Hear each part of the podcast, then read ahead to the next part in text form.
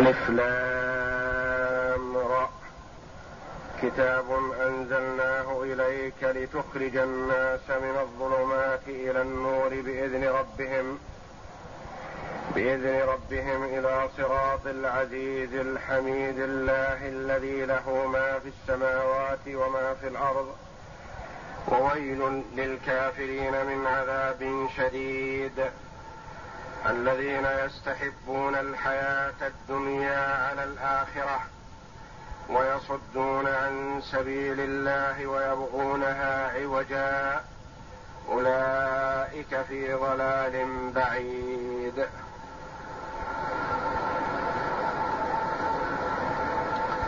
هذه السورة تسمى سورة إبراهيم. ولعلها سميت بهذا الاسم لأنه ذكر فيها عليه الصلاة والسلام مع أنه ذكر في غير هذه السورة من السور ولكن الأسماء توقيفية أي تسمية السور يتوقف فيه على ما ورد عن رسول الله صلى الله عليه وسلم. وهذه السورة مكية يعني نزلت بمكة. إلا آيتين أو ثلاث نزلت في المدينة. نزلت في شأن قتلى بدر من المشركين. وهي قوله جل وعلا ألم تر إلى الذين بدلوا نعمة الله كفرا وأحلوا قومهم دار البوار؟ جهنم يصلونها وبئس المصير. بئس. جهنم يصلونها وبئس القرار.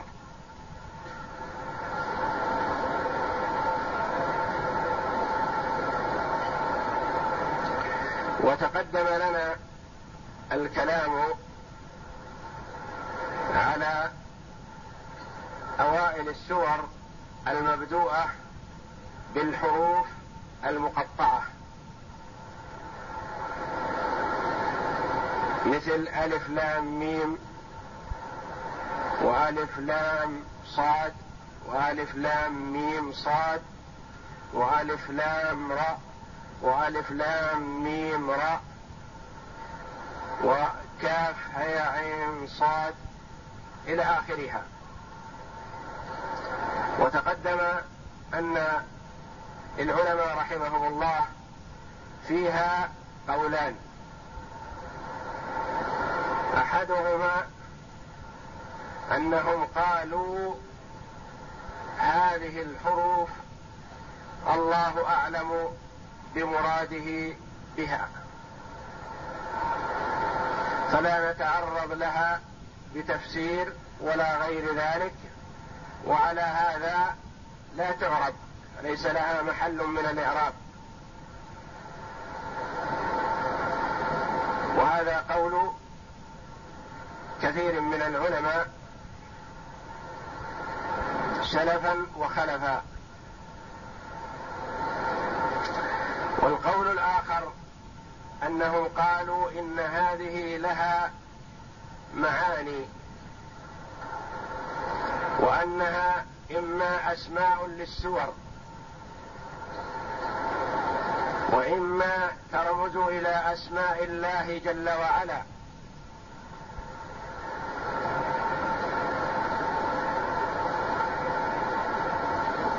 وقيل غير ذلك. وعلى القول الأول لا تعرف فهم قالوا هذه من المتشابه ولا نتعرض لها لا ندري ما معناها ولا نعربها. وهذه مكونة من حروف. منها ما هو مكون من حرف واحد. مثل نون وقاف. ومنها ما هو مكون من حرفين. ومنها ما هو مكون من حرفين مثل حاميم. ومنها ما هو مكون من ثلاثة حروف. ألف لام راء. ومنها ما هو مكون من أربعة حروف ألف لام ميم راء. ومنها ما هو مكون من خمسة حروف وهو نهايتها. كاف هاء عين صاد.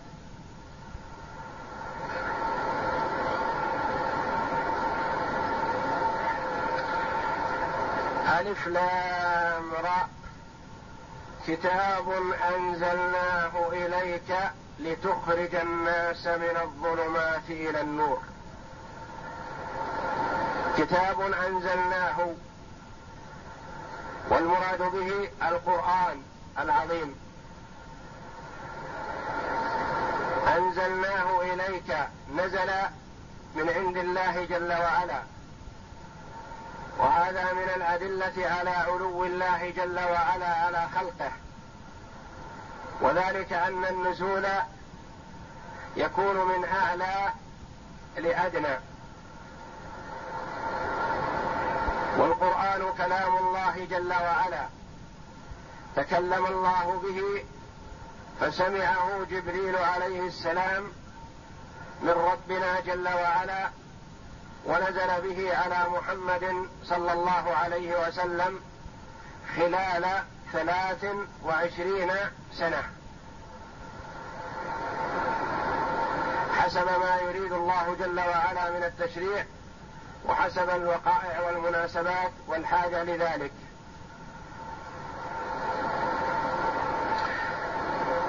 أنزلناه إليك لغرض ما هو إخراج الناس من الظلمات إلى النور من ظلمات الجهل والضلالة والشرك والكفر والبدعة والمعصية إلى نور إلى نور العلم والإيمان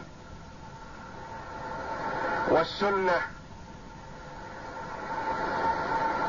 لتخرج الناس من الظلمات إلى النور. وطرق الكفر كثيرة ولهذا جمع الظلمات.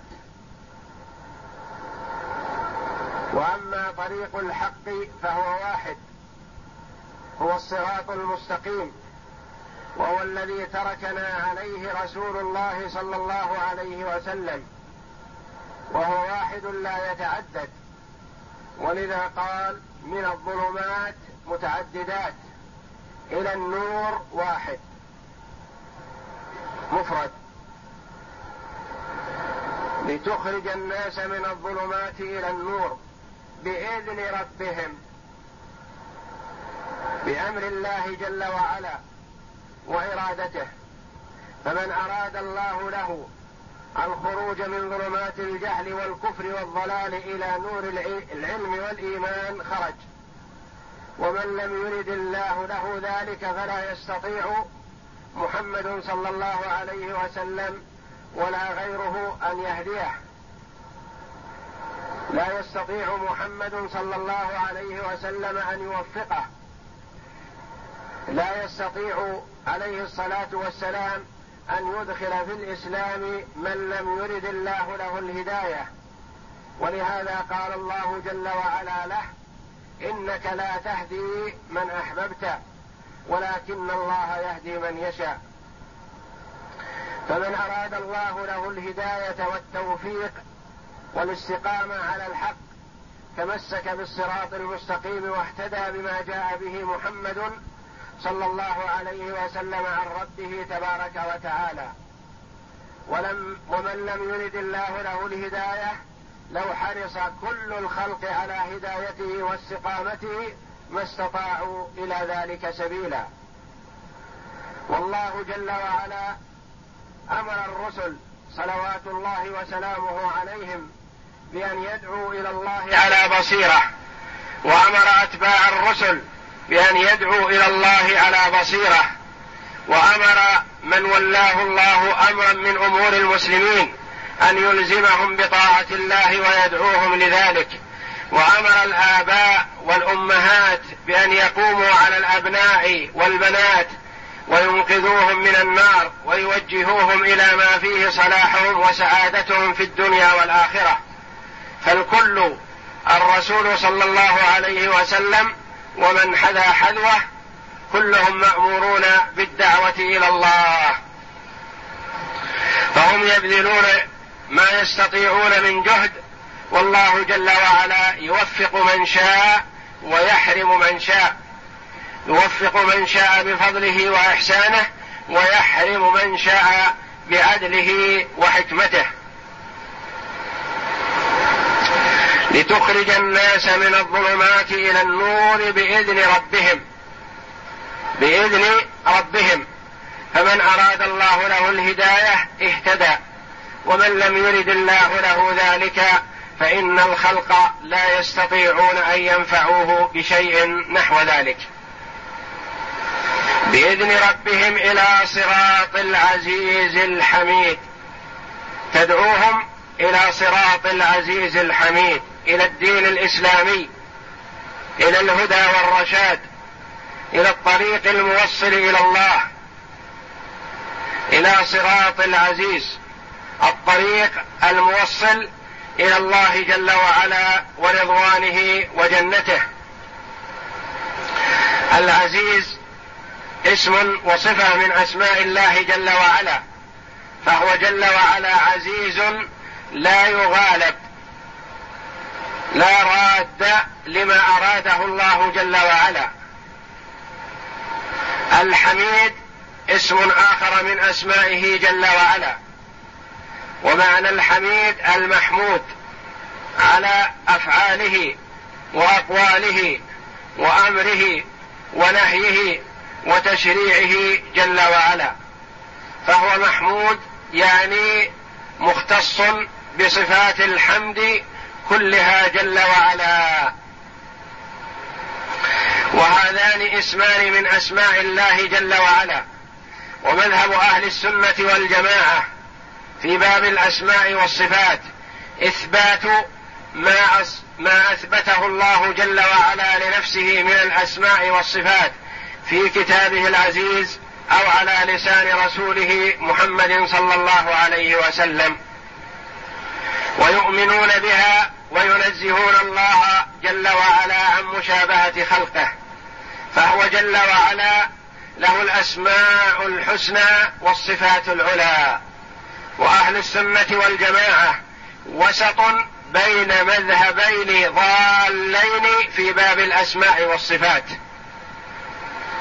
أهل السنة والجماعة وسط بين مذهبين ضالين منحرفين. المذهب الأول الذين شبهوا الله جل وعلا بخلقه. أثبتوا وشبهوا فخرجوا عن الصراط المستقيم. والله جل وعلا ليس كمثله شيء لا يشابه المخلوق جل وعلا. فمن شبه الله بخلقه فقد كفر. المذهب الثاني غلوا في التنزيه فجردوا الله جل وعلا من الأسماء والصفات. وقالوا لو أثبتنا الأسماء والصفات لقربنا من التشبيه. وشبهنا الله بخلقه فنفوا الأسماء والصفات. أهل السنة والجماعة وسط بين المذهبين. أخذوا من كل طرف ما فيه من حسن ورموا بالباطل عرض الحائط. أثبتوا ولم يشبهوا نزهوا ولم يعطلوا.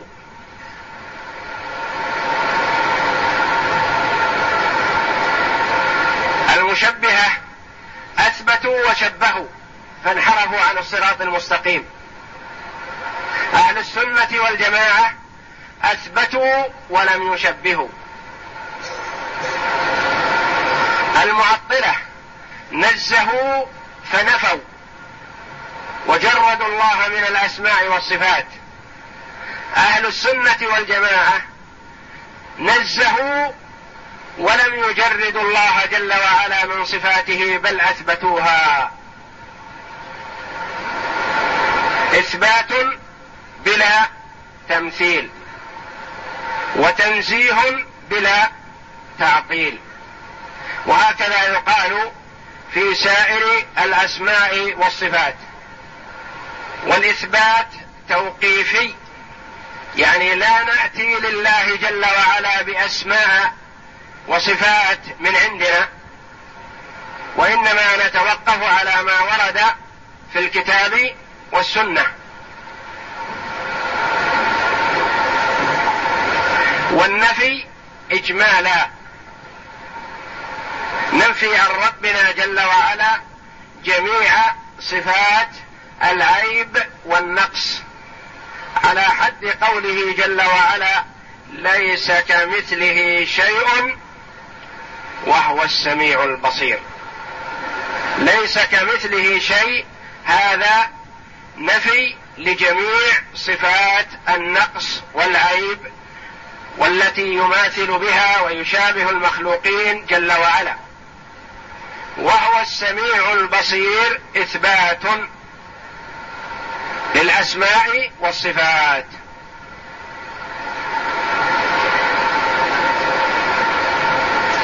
إلى صراط العزيز الحميد الله الذي له ما في السماوات وما في الأرض. الله فيها قراءتان سبعيتان. إلى صراط العزيز الحميد الله الذي له ما في السماوات. بالجر. القراءة الأخرى الله الذي له ما في السماوات. الرفع. والجر على أنه بدل من العزيز. إلى صراط العزيز الحميد الله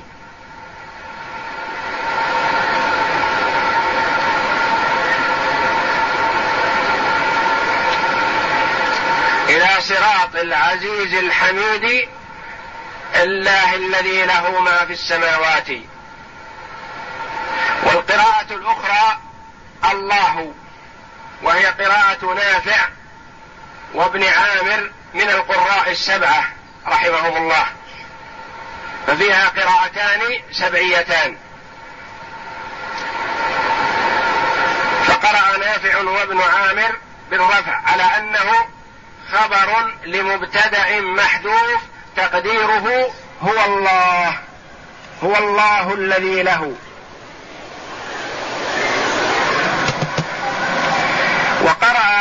جمهور القراء بالجر على أنه عطف بيان لل للاسمين السابقين صراط الله الذي صراط العزيز الحميد الله.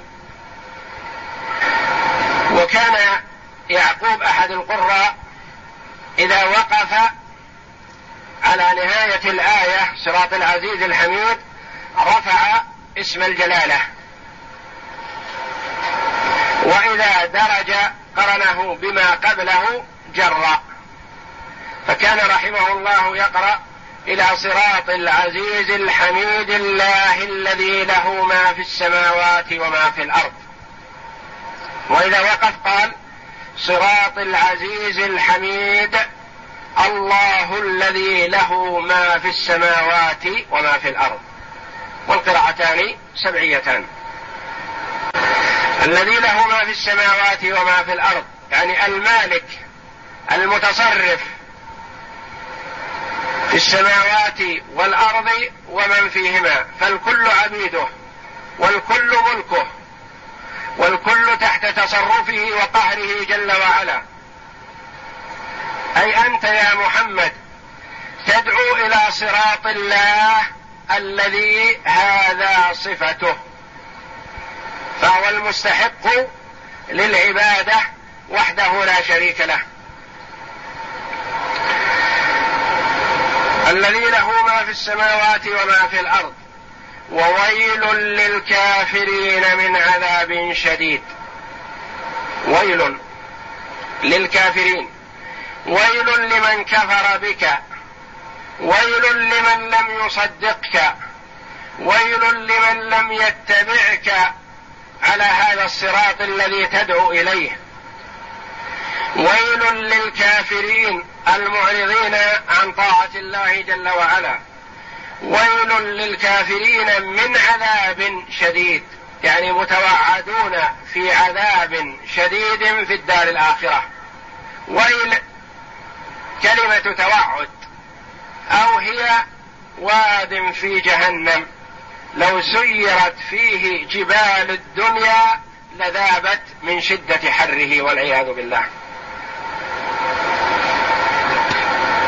ويل كلمة وعيد يتوعد الله بها الكافرين والمنافقين.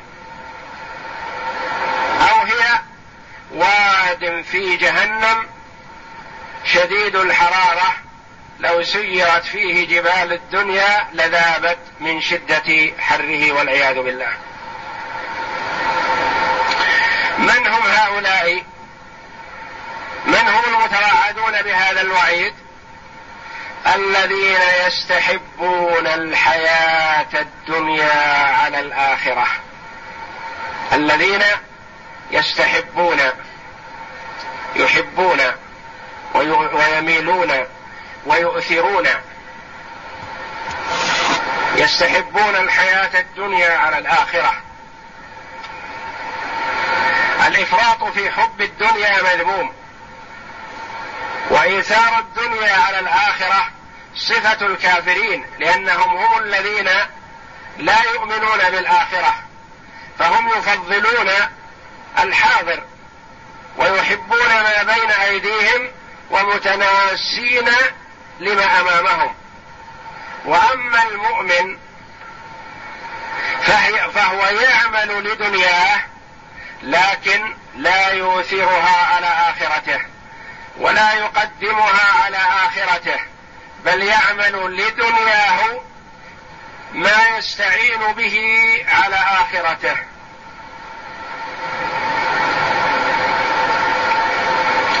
الذين يستحبون الحياة الدنيا على الاخره فحب وايثارها على الآخرة صفة الكافرين. وحب الآخرة وإيثارها على الدنيا صفة المؤمنين. فالمؤمنون يحبون الآخرة ويعملون لها ويستعينون في دنياهم على ما يقربهم من الله جل وعلا. الذين يستحبون الحياة الدنيا على الآخرة. فمن آثر دنياه على آخرته ففيه صفة من صفات الكفار والعياذ بالله. والمؤمن مأمور بالعمل لدنياه لكن لا يقدمها على آخرته. يعمل للدنيا ما يستعين به على الآخرة.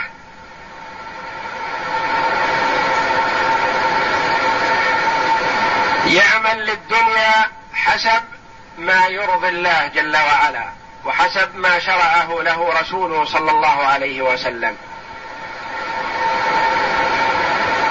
يعمل في دنياه على هدي من كتاب الله وسنة رسوله صلى الله عليه وسلم. فعمله لدنياه بهذه الصفة مما يقربه جل وعلا يقربه من الله ورضاه. وإذا عمل للدنيا فقط وآثرها على الآخرة خسر الدنيا والآخرة. يخسر الدنيا لأنه لن يبقى فيها. يخسر الدنيا لأن ما بين يديه سيذهب عنه أو هو سيذهب. يخسر الدنيا لأنه لم يعمل فيها عملا ينفعه في الآخرة.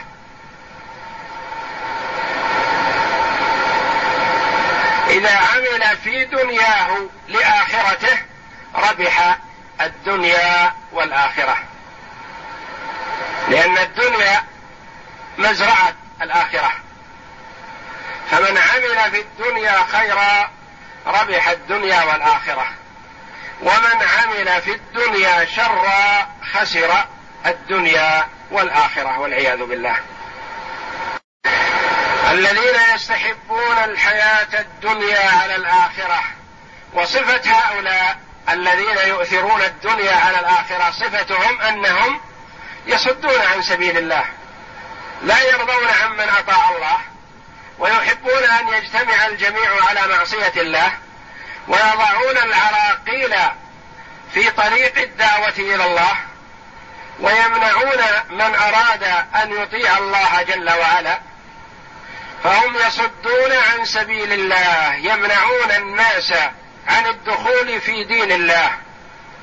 يضعون الموانع والحواجز في طريق من أراد الإسلام والإيمان بالله.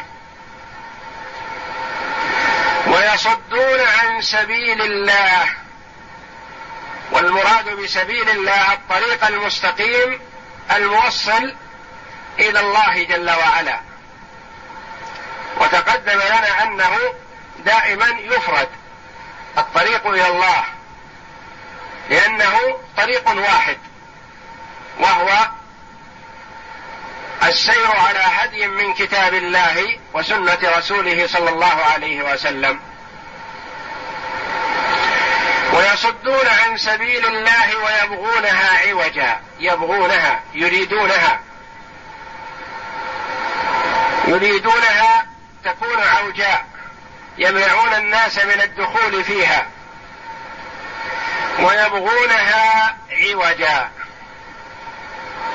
وقيل يبغونها الضمير في يبغونها يعود إلى الدنيا إلى الحياة الدنيا. يبغونها على عوجها وعلى ما فيها ويريدون الدنيا ولو في ذلك سخط الله جل وعلا وغضبه. ويبغونها عوجا أولئك الموصوفون بهذه الصفات في ضلال بعيد. في ضلال في غي في ظلمه في كفر وشك. بعيد عن الهدى كل البعد. هؤلاء المتصفون بهذه الصفات بعيدون عن الحق بعيدون عن الصواب. إعراب شيء مما تقدم. كتاب أنزلناه إليك يصح أن يكون خبر لمبتدأ محذوف. تقديره هذا كتاب. ويصح أن يكون خبرا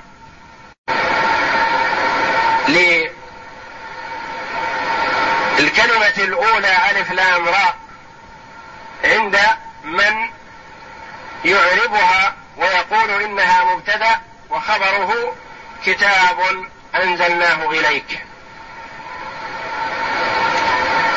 لتخرج الناس من الظلمات إلى النور تقدم لنا الله الذي لا الذي له ما في السماوات يصح فيها الرفع على أنه خبر لمبتدا محذوف تقديره هو الله ويصح أن يكون الجر على أنه آه، عطف بيان للعزيز الحميد الله الذي له ما في السماوات.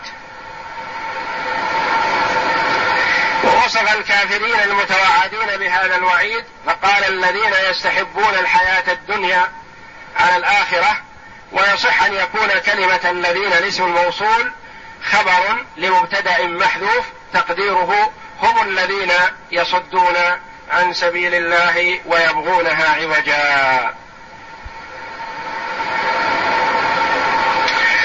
يقول الله جل وعلا وما أرسلنا من رسول إلا بلسان قومه ليبين لهم فيضل الله من يشاء ويهدي من يشاء وهو العزيز الحكيم.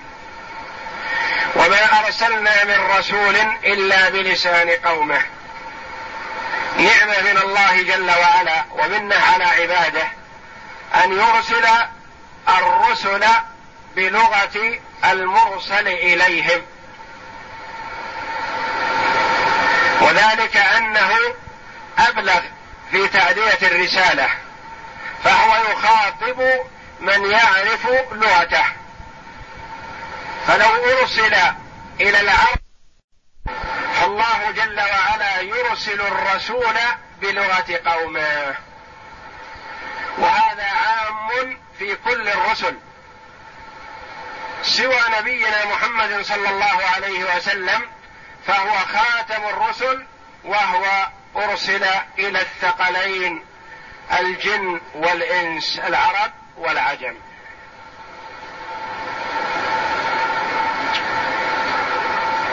قل يا أيها الناس إني رسول الله إليكم جميعا.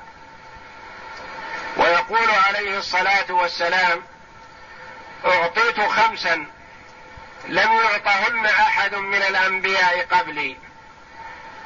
نصرت بالرعب مسيرة شهر. وجعلت لي الأرض مسجدا وطهورا. وأحلت لي الغنائم. وأعطيت الشفاعة. وكان النبي صلى وكان النبي يبعث إلى قومه خاصة وبعثت إلى الناس عامة. وهو عليه الصلاة والسلام يرسل رسله إلى الناس ليبلغوهم ما أمره الله جل وعلا أن يبلغهم به. ولما أراد الله جل وعلا أن تبقى رسالة محمد صلى الله عليه وسلم وأن تستمر إلى أن يرث الله الأرض ومن عليها أرسله للناس عامة. ولم يرسل رسولين أو نبيين فيحصل الخلاف. بل جعل الرسالة واحدة واللسان واحد والكتاب واحد وهو القرآن العظيم. وما أرسلنا من رسول إلا بلسان قومه ليبين لهم. فمهمة الرسول صلى الله عليه وسلم البيان والإيضاح. وقد بين صلوات الله وسلامه عليه البيان المبين. بلغ الرسالة وأدى الأمانة ونصح الأمة صلوات الله وسلامه عليه. ليبين لهم هذه مهمته. ولا يستطيع أن يدخل في الإسلام من لم يرد الله إدخاله ليبين لهم فيضل الله من يشاء من يشاء ويهدي من يشاء. الهداية والإضلال بيد الله جل وعلا ليست بيد أحد من الخلق. وكما تقدم لنا الهداية نوعان. هداية دلالة وإرشاد وهداية توفيق وإلهام. هداية الدلالة والإرشاد هذه للرسل والأنبياء صلوات الله وسلامه عليهم أجمعين ولمن سلك سبيلهم من الدعاة إلى الله. يهدون بمعنى يدلون ويرشدون كما قال الله جل وعلا لمحمد صلى الله عليه وسلم وإنك لتهدي إلى صراط مستقيم. إنك لتهدي أثبت له الهداية بمعنى تدل وترشد. ونفى عنه هدا الهداية في موضع آخر. والمراد بالمنفي الهداية بمعنى الإلهام والتوفيق. حينما قال له جل وعلا لما حرص صلى الله عليه وسلم على هداية عمه أبي طالب فلم يهتدي ومات على ملة عبد المطلب. وحرص على ذلك صلى الله عليه وسلم وعمه في حالة الاحتضار عند الموت. قال له يا عم قل كلمة نحاج لك بها عند الله قل لا إله إلا الله. وعنده شخصان آخران لما قال له النبي صلى الله عليه وسلم ذلك قال له أترغب عن ملة عبد المطلب؟ عن ملة أبيك وأجدادك؟ وهكذا قرناء السوء والعياذ بالله. فأخذته العزة بالإثم والعياذ بالله ومات على ملة عبد المطلب. ولم يقبل الدلالة والهداية والإرشاد من النبي صلى الله عليه وسلم. فحزن لذلك صلى الله عليه وسلم لحرصه على هداية عمه. فأنزل الله جل وعلا عليه إنك لا تهدي من أحببت ولكن الله يهدي من يشاء.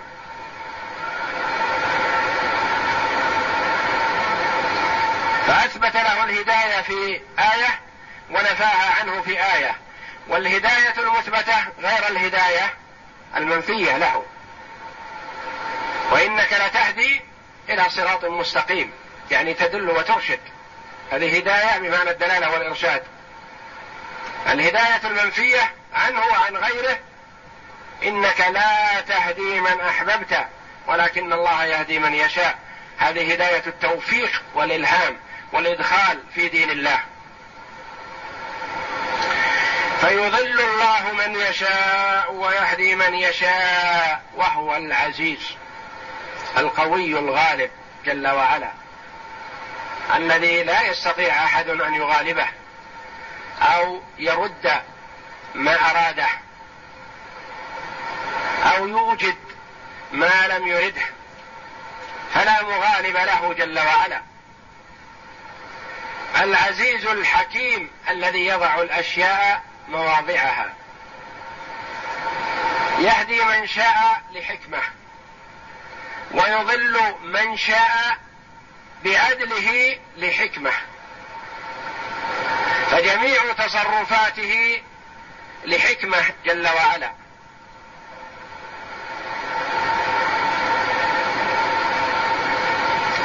فيضل الله من يشاء ويهدي من يشاء وهو العزيز الحكيم. قد يقول قائل هل ظلم الله جل وعلا من أضله؟ فالله جل وعلا لا يظلم الناس شيئا ولكن الناس أنفسهم يظلمون. ومن أضله الله أقام الله عليه الحجة. أرسل له الرسل وأنزل الكتب وجاء الدعاة إلى سبيله جل وعلا بالحكمة والموعظة الحسنة من الرسل فمن بعدهم. وأقام الحجة على خلقه. فمن وفقه الله قبل الهدى واستنار ومن لم يوفقه رد ولم يقبل هدى الله. فهلك. والحجة قائمة عليه.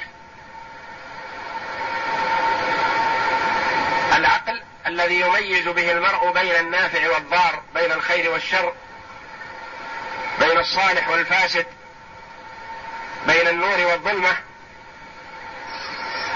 والرسل والكتب والدعاة إلى سبيل الله بالحكمة والموعظة الحسنة يوضحون للناس ويبينون طريق الخير ويبينون لهم طريق الشر ويرغبونهم في الخير ويحذرونهم بالشر. عن الشر.